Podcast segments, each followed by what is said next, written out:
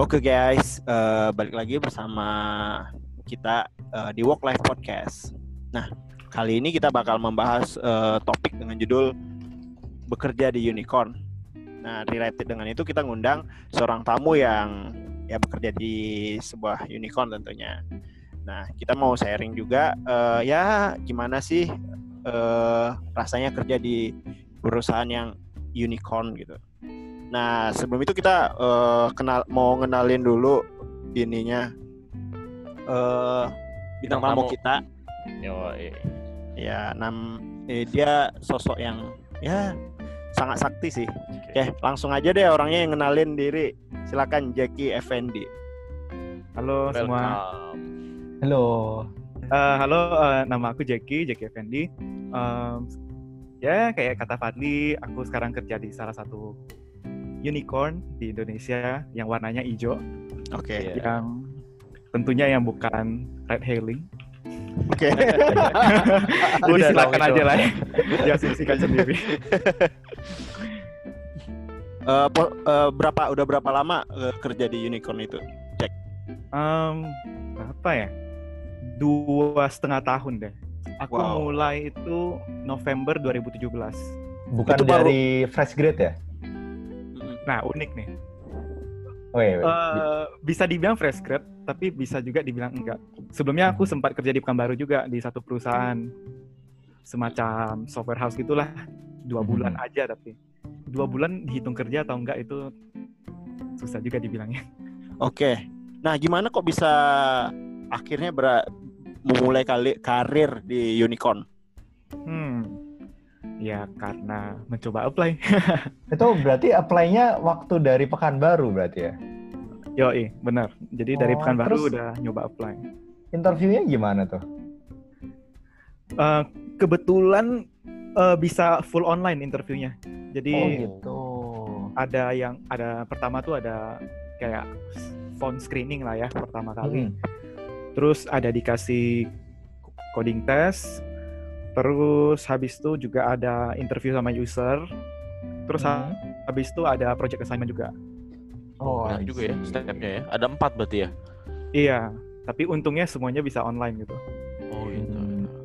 Itu waktu pas dapet apa namanya kesempatan interview pertama kali itu si Jackie apa namanya nyiapin apa yang dipersiapkan untuk menghadapi interview itu? Hmm, dulu kan kalau di kampus aku sama Fadli itu ada satu semester full magang tuh. Mm-mm. Mhm. Nah, kerja praktek lah. Dan Oh. itu masa kerja prakteknya harus 4 bulan minimal. Nah, terus di biasanya di tempat praktek itu selalu dikasih project yang harus dikerjakan selama masa prakteknya. Kebetulan project aku selesainya dua bulan gitu. Jadi dua bulan aku nganggur di kantor. Nah, dari sana itu aku udah ya belajar-belajar baca ebook karena waktu itu aku udah tahu aku mau uh, deep dive-nya lebih ke front end. Pada saat itu tuh aku baca-baca buku-buku JavaScript, ada learning dari e-learning juga, ada Coursera, Linda, ada CS50-nya Harvard juga. Pokoknya dari sana udah persiapin Oh. banyak gitu.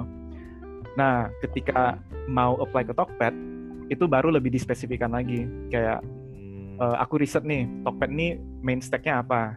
Hmm. Kebetulan di job listingnya memang ditulis uh, Tokped pakai React dan lain-lain gitu. Jadi aku fokusin lagi ke React. Hmm. Oh. Oh, Oh, emang emang- fokus React ya? Emang Iya, iya. emang cuma daftar di satu tempat aja atau Atau daftar di nyebar, iya. beda? Nggak, nggak gini. Ah. emang emang ngincar unicorn nggak sih gitu? Maksudnya Nah, iya itu Iya, betul. atau Wede. main lempar CV aja gitu loh. Hmm, nggak asal lempar CV sih. Eh, jadi aku kirim lamaran ke beberapa tempat memang, tapi selektif juga sih. Hmm. Em, sebenarnya Topet itu yang aku apply keempat. Oh, Oh, yang sebelum-sebelumnya unicorn juga kah atau Dekakon gue? Waduh, pada saat itu kan belum ada dekakon ya. oh, belum ya. Hmm, apa ya? Enggak sih, enggak enggak unicorn juga. Tapi kayaknya sekarang udah beberapa udah unicorn.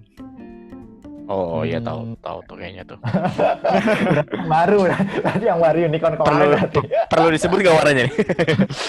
Aduh, warnanya memang ada warna apa aja di, di Indonesia cuman kalau nggak merah, hijau, biru. Oh, ada yang baru, ada yang ungu sekarang. Jelas tuh. Oh, enggak, enggak. Eh, kan gue lebih kenal Jackie daripada teman gue yang ini kan. Ya, Isnan sama Hmm. Santri kok. Iya, Eh, iya. setahu gue, eh, lu ngincar atau enggak ad- ada nggak dulu ngincar ke luar negeri nggak gitu Jack? Maksudnya ya aim bigger gitu loh. Yang aku apply pertama kali itu sebenarnya Singapura. Perusahaannya di Oh Singapura. gitu. Oh. Tapi kebetulan mereka punya eh, kantor di Jakarta Mm-mm. dan udah jelas ditulis visa sponsor gitu. Oh. Jadi kan udah berharap gitu kan. Iya, iya. Tapi ternyata pas eh, dapat call pertama setelah apply dapat call pertama itu ditanyain eh, mau kerja di Jakarta aja enggak karena sebenarnya lowongannya Singapura tuh mereka nyari orang Singapura katanya begitu. Oh. Padahal sebenarnya nggak make Oh. sense kan. Kalau gitu kenapa Nah. kalian mau sponsorin visa di job listingnya? Heeh. Iya juga Orang ya. Singapura Oh, kan nggak punya jadi visa. jadi emang apa nggak jadi karena akhirnya di tempatnya tetap juga di Jakarta aja gitu ya? Eh, iya, jadi orangnya cukup baik sih. Jadi Mhm. ketika aku jelasin, aku bilang kalau aku sekarang lagi nyari yang di luar gitu. Dan kalau ternyata ujung-ujungnya aku di Jakarta, aku mau lihat opsi aku yang lain dulu. Jadi aku ngomong gitu ke orangnya. Oh. Makanya nggak jadi ke sana. Waktu itu apply-nya lewat mana, Jack? Maksudnya ter- iya transparan medianya apa? Apakah LinkedIn atau Jobstreet Eh, atau Kalau yang ini yang Singapura ini kebetulan lowongannya itu di Stack Overflow. Jadi ada di Wih. Overflow. Stack Overflow ya, ya. Oh, Sebelah iya, iya. kanan itu ya. Iya, iya. Tapi Oke. tapi kenapa uh, habis itu nggak nyoba uh, di luar negeri lagi gitu? Karena nggak banyak lowongan yang di luar negeri pada saat itu. Jadi Oh. kemarin ketemu itu satu juga udah termasuk beruntung. Hmm. I see, I see, I see. Iya sih, emang emang agak susah sih ya. Apa? Kalau biasanya yang luar negeri pun kadang yang ngambil dari orang Indo itu kadang juga yang kecil-kecil gitu ya. Hmm. Atau ya mungkin udah experience kan. Nah kita balik lagi ya, kita kayaknya udah jauh banget kelanturnya. Oke, Eh, jadi eh, ketika itu udah offering nih Jack. At- eh, ketika offering itu ada opsi lain nggak? Atau memang ya, yaudah ini ini unicorn. Udah mantep Aku, lah ya. aku, Iya. aku ngambil ini atau gimana sih? Enggak sih. Jadi udah nggak udah nggak terlalu mikirin lagi yang lain karena sa- satu titik yang ini udah pasti gitu kan. Hmm. Dan eh, maksudnya kompensasi yang ditawarin juga di atas ekspektasi aku. Jadi Oh, oke. sebenarnya bisa dibilang dari proses interviewnya, proses aplikasinya itu, aku ngerasa perusahaan eh, perusahaannya itu apa make a good impression. Oh iya. Jadi aku nggak banyak mikir sih pada saat itu. Apalagi dibandingkan yang perusahaan-perusahaan lain yang aku apply pada saat itu sebenarnya. Oh, apa tuh ke- keunikannya apa tuh kalau boleh tahu? Jadi kan tadi ada empat perusahaan nih, satu Hmm. perusahaan yang Singapura udah udah selesai, Hmm. satu lagi udah tahu, terus satu lagi aku terima dua lagi kan. Hmm. Nah dua lagi ini satunya sama sekali nggak ngerespon, Oke. satunya lagi ngerespon, ngasih coding test eh, berjalan dengan baik, tapi kemudian didiamin gitu. Terus aku follow up, tapi aku terus aku coba follow up kan. Hmm. Eh, kemudian ketika di follow up, aku kirim email gitu, follow up aja. 5 menit setelah aku kirim email, langsung ditelepon dong.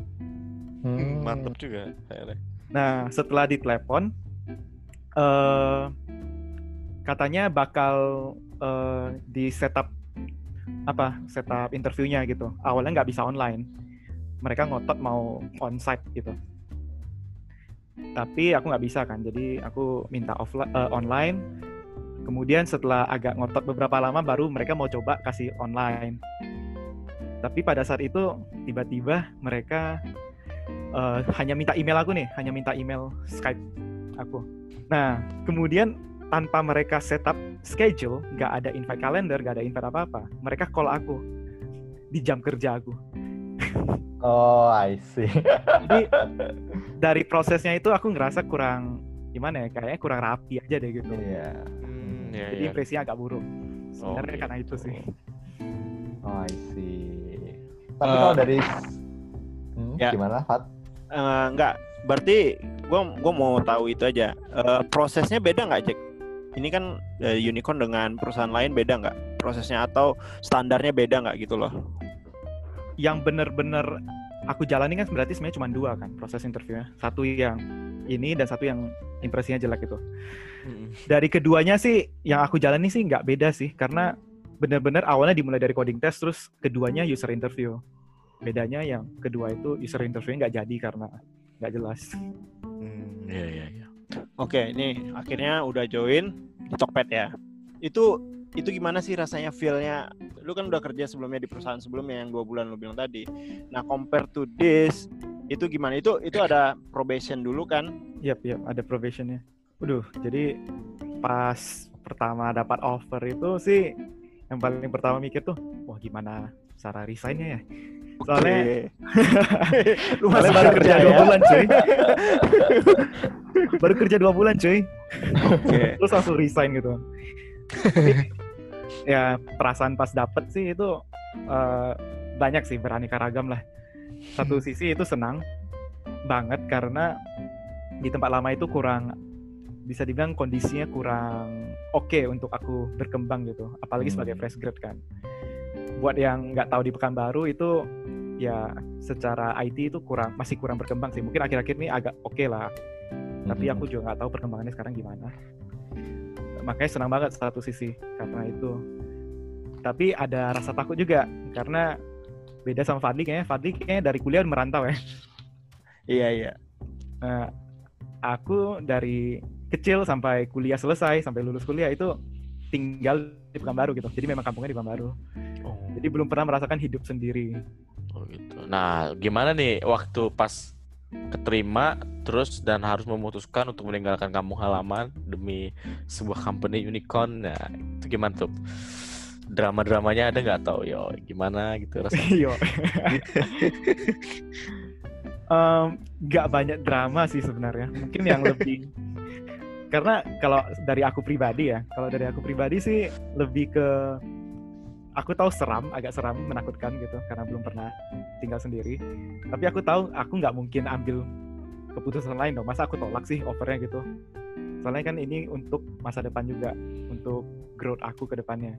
Yang lebih banyak drama mungkin keluarga aku sih yang gak rela Pasti gitu sih. ya, ninggalin. Oke, eh, itu kan ada ya apa kalau di Tokped ada nakama ya namanya ya. Hmm. Itu gue pernah lihat itu prosesnya berapa lama Jack sampai akhirnya diangkat jadi nakama itu? Dalam arti karyawan tetap ya maksudnya. Ah, ah, ya. Eh, probation di Topet tiga bulan sih, jadi standar lah sama kayak perusahaan-perusahaan lain. Ada nggak yang nggak lulus probation gitu? Jarang banget sih. Bahkan selama aku di Topet aku belum pernah ketemu orang yang nggak lulus probation. Soalnya dari interviewnya kan juga kelihatan sebenarnya kan ini orang kira-kira orang ini bisa eh, apa nggak entar pas kerja gitu. Jadi jarang sih. Dan aku pribadi belum pernah melihat ada yang nggak lulus. Hmm, berarti emang ah, ini ya, apa interviewnya emang eh, disesuaikan banget ya sama kebutuhan gitu ya. Hmm, Jadi- iya dari pengalaman aku sih gitu. Hmm. Oh, I see, I see. Terus Nah. gimana setelah join ke- di uh, Tokped tadi, eh, gimana sih suasana kerja di Unicorn tuh kayak gimana sih? Kalau bisa diceritain gitu. Iya, iya. Apakah langsung dimasukin ke tim ini kayak gitu? Ngomong-ngomong, Jeki sendiri di tim apa kalau boleh tahu? Eh, tim tempat aku berada sekarang dengan tim sebelum pas aku join itu udah beda sih. Jadi pas aku baru join itu eh, aku masuk di tim mobile web. Kan banyak ada banyak tribe yang megang modul masing-masing. Terus ada Iya. tim yang dedicated nih megang platform iOS, ada tim yang dedicated megang platform Android juga. Pada saat itu ada tim yang dedicated megang mobile web. Jadi aku masuk ke tim itu. Itu itu ditentuin atau eh, dari JKS sendiri yang pengen ke situ gitu? Jadi memang dari apply itu memang posisinya itu sih software engineer mobile web. Oh, oke oke oke. Oke. Eh, Gimana pengalamannya Jack? Ya dulu itu gimana sih? Kayaknya ya perjuangan sih kayaknya ya. Hmm, aku nggak tahu sih eh, kalau di tempat lain gimana ya. Tapi kalau menurut aku semuanya eh, kalau semuanya tergantung tim sih. Jadi ntar suasana bekerja gimana itu tergantung sebenarnya tim kita tuh di mana gitu dan harusnya ya normal-normal aja kalau timnya lebih kecil itu pasti bawa eh, lebih apa ya? Lebih dekat satu sama lainnya pastinya. Tapi kalau timnya makin gede lebih gak dekat gitu. Hmm, perbedaan utamanya paling itu sih. Dan dulu tim mobile web itu termasuk tim yang masih lumayan kecil lah gitu. Paling 10 11 engineer gitu. Dan itu udah megang semua satu mobile webnya gitu. Jadi semua fitur ada di handle sama 10 orang ini.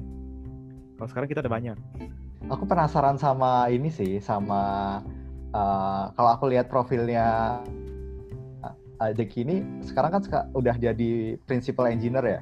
Nah, Itu itu hitungannya cepat banget loh dalam waktu dua setengah tahun. Itu emang dari apa uh, perusahaannya sendiri uh, ada ini nggak sih ada kayak karir path yang sudah terstruktur gitu. Jadi emang dalam waktu berapa bulan ada penilaian kayak gitu atau gimana ya? Hmm, ada sih, ada memang ada career path-nya dan memang terstruktur, jelas banget sih uh, strukturnya. Oh, berarti kayak pencapaian apa aja yang dibutuhkan untuk naik gitu udah tersedia gitu ya?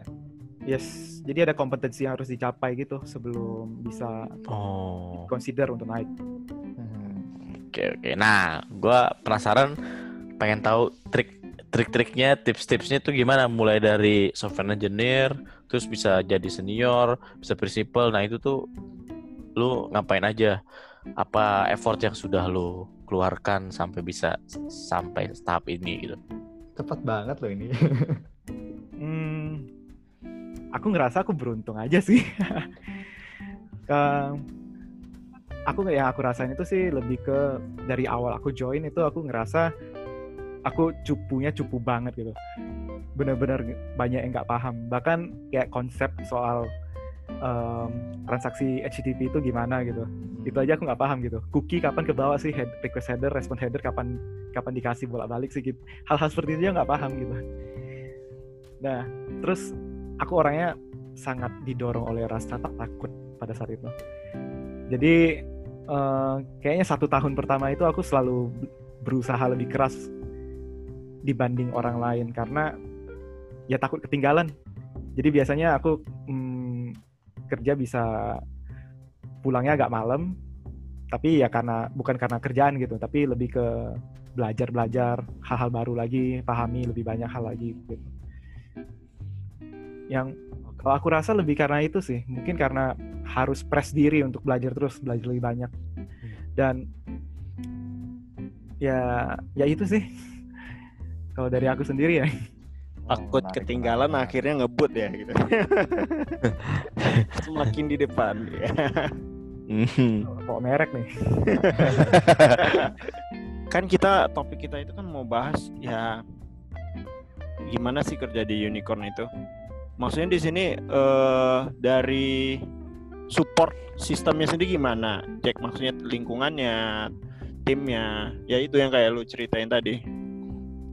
Itu beda beda nggak dari ya kantor biasa lah gitu, yang nggak unicorn gitu. Ya berhubung karena aku nggak kerja di kantor nggak unicorn terlalu lama, susah juga ya kasih jawaban. Cuman yang yang aku rasain sih selama aku di Topet itu timnya itu support banget sih. Kita bukan nggak sering lakuin kesalahan, kadang kita ship bug juga ke production. Siapa yang nggak lakuin itu ya kan? Tapi ya no blaming sih. Dan semuanya pada bisa ngeliat kesempatan-kesempatan hal kayak gitu tuh kejadian-kejadian kayak gitu tuh kesempatan belajar gitu. Dan bener-bener gak ada blaming dan aku rasa itu yang buat em, kita pada saat itu juga growth-nya cepat sih. Pada belajar banyak dan sharing-sharing apa yang dipelajari satu tim. Jadi meski perusahaan unicorn agak gede gitu mungkin mungkin ada yang mikir bisa aja nih udah kayak korporat gitu tapi sebenarnya enggak sih semuanya tetap tergantung timnya Oke Hmm, oke. iya, iya. Aku penasaran sih. Sebenarnya kan eh, waktu daftar ke unicorn itu eh, persaingan di unicorn untuk daftar aja sebenarnya kan baik banget kan. Ribuan orang eh, per bulan ngirim CV ke unicorn. Nah, gimana sih tipsnya eh, membentuk CV yang bagus sehingga uh, kemarin itu bisa sampai di uh, Dilihat, dilihat dilihat kasar gitu. ya. Nah, soalnya susah banget loh kalau sekarang kayak gitu. Aku tahu datanya itu kalau nggak salah berapa ribu per bulan loh. Hmm. Itu gimana cara ngebentuk CV yang Dan bagus? dan dan dan katanya kalau nggak ada teman atau kenalan untuk untuk nge-referral kita itu jauh lebih sulit katanya. Mm-mm. Mm-mm. Nah, itu Itu gimana, tuh? Jack?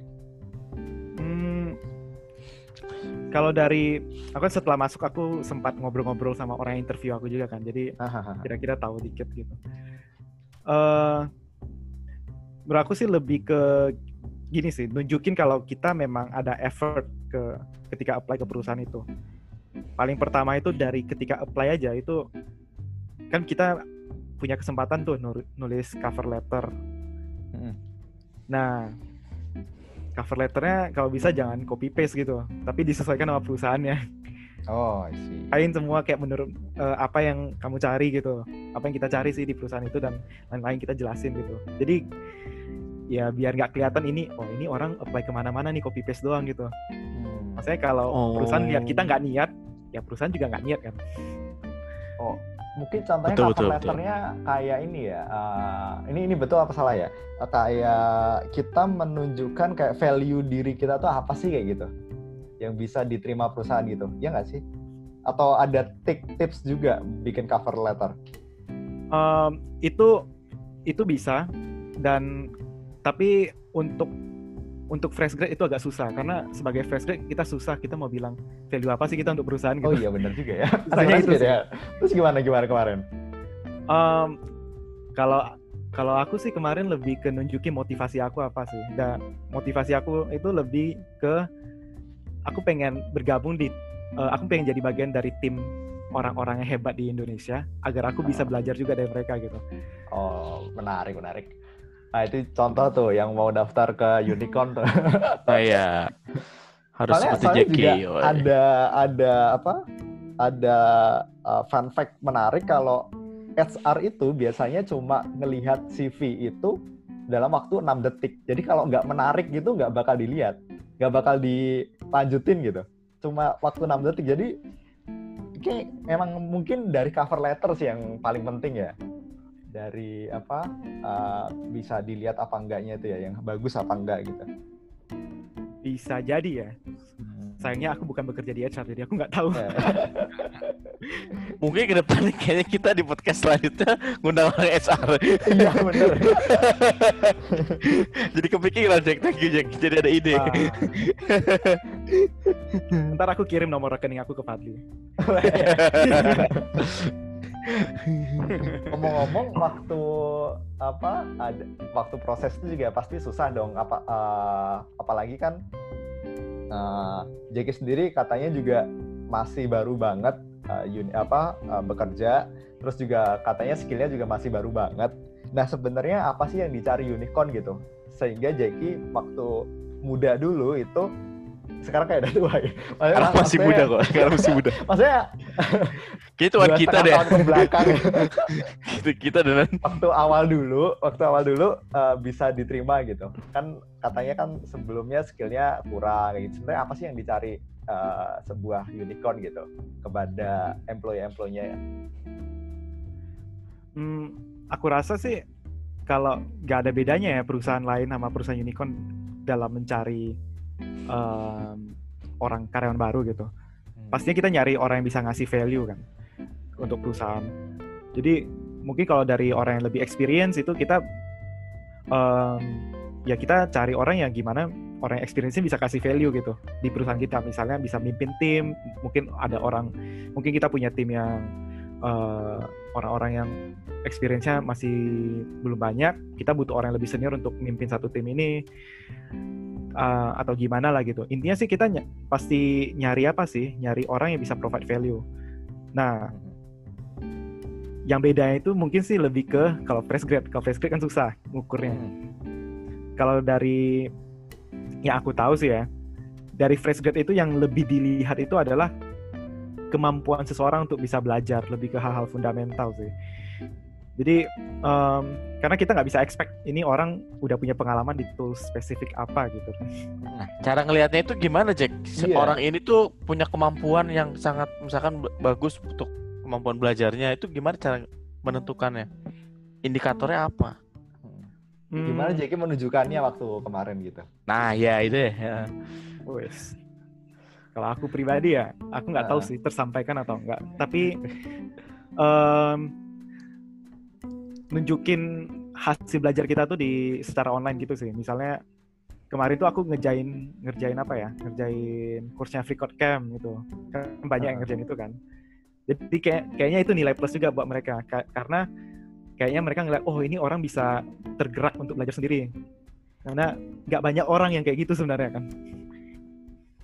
Terus mungkin bisa kalau punya project-project kecil-kecilan, nyoba-nyoba sesuatu gitu bisa taruh di reponya di GitHub atau ya udah eh, atau hostingin lah gitu kan kebetulan web nih. Hostingin lah eh, hasil nyatanya gitu di satu URL biar bisa diakses orang. Jadi kelihatan nih, ini orang memang bisa belajar dan memang ada niat belajar gitu. Memang sih kalau Ya, ya. nggak ada buktinya ya orang juga nggak tahu kan. Oh, mungkin sertifikat-sertifikat gitu juga berarti ya? Ngaruh Hmm. nggak sih sertifikat gitu? tergantung sertifikatnya dari mana sih aku kalau menurut aku. Oh, Dan yang harus pengaruh yang- tuh harus dari mana? Hmm, Udemy. Yo. ini ini pendapat aku sendiri doang ini Iya, ya. ya, ha, nggak apa. Ini opini nggak Oh. apa. Ini, ini semua semua yang di podcast ini semua pendapat aku pribadi. Iya betul. Yap, yap. Iya, betul. Oke. Misalnya di apa? Di W3 w3.org itu kan ada quiz-quiznya tuh. Selesai Iya. itu dapat sertifikasi. Iya. Nah, yang itu udah pasti nggak bernilai sih kalau menurut aku. Oh gitu. Yang kayak gitu udah pasti. Oh. Oh, Tapi kan berarti- ada sertifikat yang yang berbayar, ada yang free. Apakah masih ada kesempatan untuk untuk Yang mendapatkan free. sertifikat yang free itu dianggap bernilai? Atau Nah. semua yang free pasti nggak bernilai? Atau gimana, Jack? Menurut, Hmm, menurut Jack? kalau menurut aku pribadi ya, Hmm. tetap bisa bernilai, tapi Hmm. kayaknya project lebih bernilai dibanding sertifikat. Oh, oh, Karena project itu lebih menunjukkan ini yang lu pernah kerjain hasilnya gitu. ya. Iya. sertifikat lu bisa aja lu ngerjain course-nya lu skip video terus-terusan kan Iya. betul betul. Dijokiin juga bisa ya. nah yo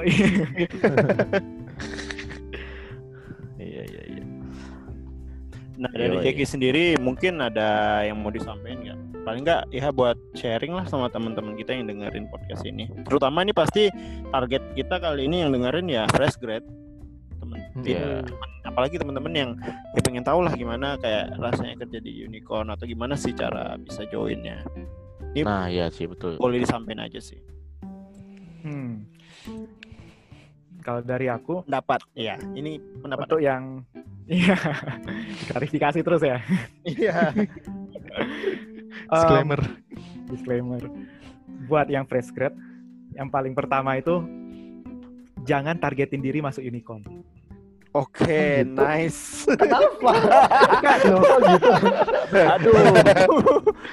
Kontradiktif sekali kayaknya. kenapa tuh? Bukan- Kenapa tuh? nah bukan karena unicorn lebih jelek dibanding yang non unicorn. Oke. tapi lebih ke karena eh, jangan menutup mata nih ke yang nggak nggak unicorn. Karena belum pasti hak perusahaan-perusahaan yang nggak unicorn ini eh, eh, apa ya hal-hal yang kita bisa dapat di perusahaan non unicorn itu bisa jadi nggak se apa juga bisa jadi juga sama baiknya gitu dengan yang, apa yang kalian bisa dapatkan dengan di unicorn Hmm, Oke oke. Hmm, I see. jadi kalau kalian fokus ke unicorn itu malah kalian membatasi diri gitu Hmm, ya, Dan- ya, ya. Menarik ya, menarik, menarik. apalagi fresh grad kan ketika maksudnya sebagai fresh grad itu jangan mikirnya lebih ke growth lah gitu dibanding gaji dulu gitu jangan terlalu mikirin gaji dulu Iya, sih iya, iya. setuju sih. setuju, setuju, benar. dan jangan takut untuk baik apa ya kerja lebih keras dibanding orang lain kalau selama masih muda gitu soalnya Hmm.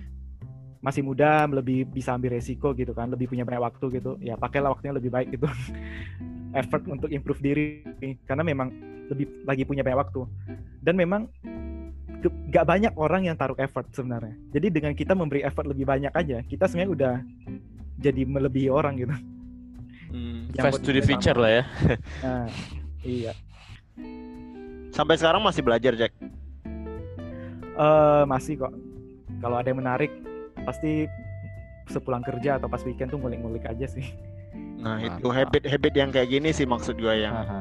Yang Yang perlu ya. di mungkin itu alasan dia lulus. Habitnya jadi. bagus, ya. Heeh. Oke guys, thank you kayaknya podcast kali kita kali ini ya udah lumayan lama sih hampir 40 menit. Oke.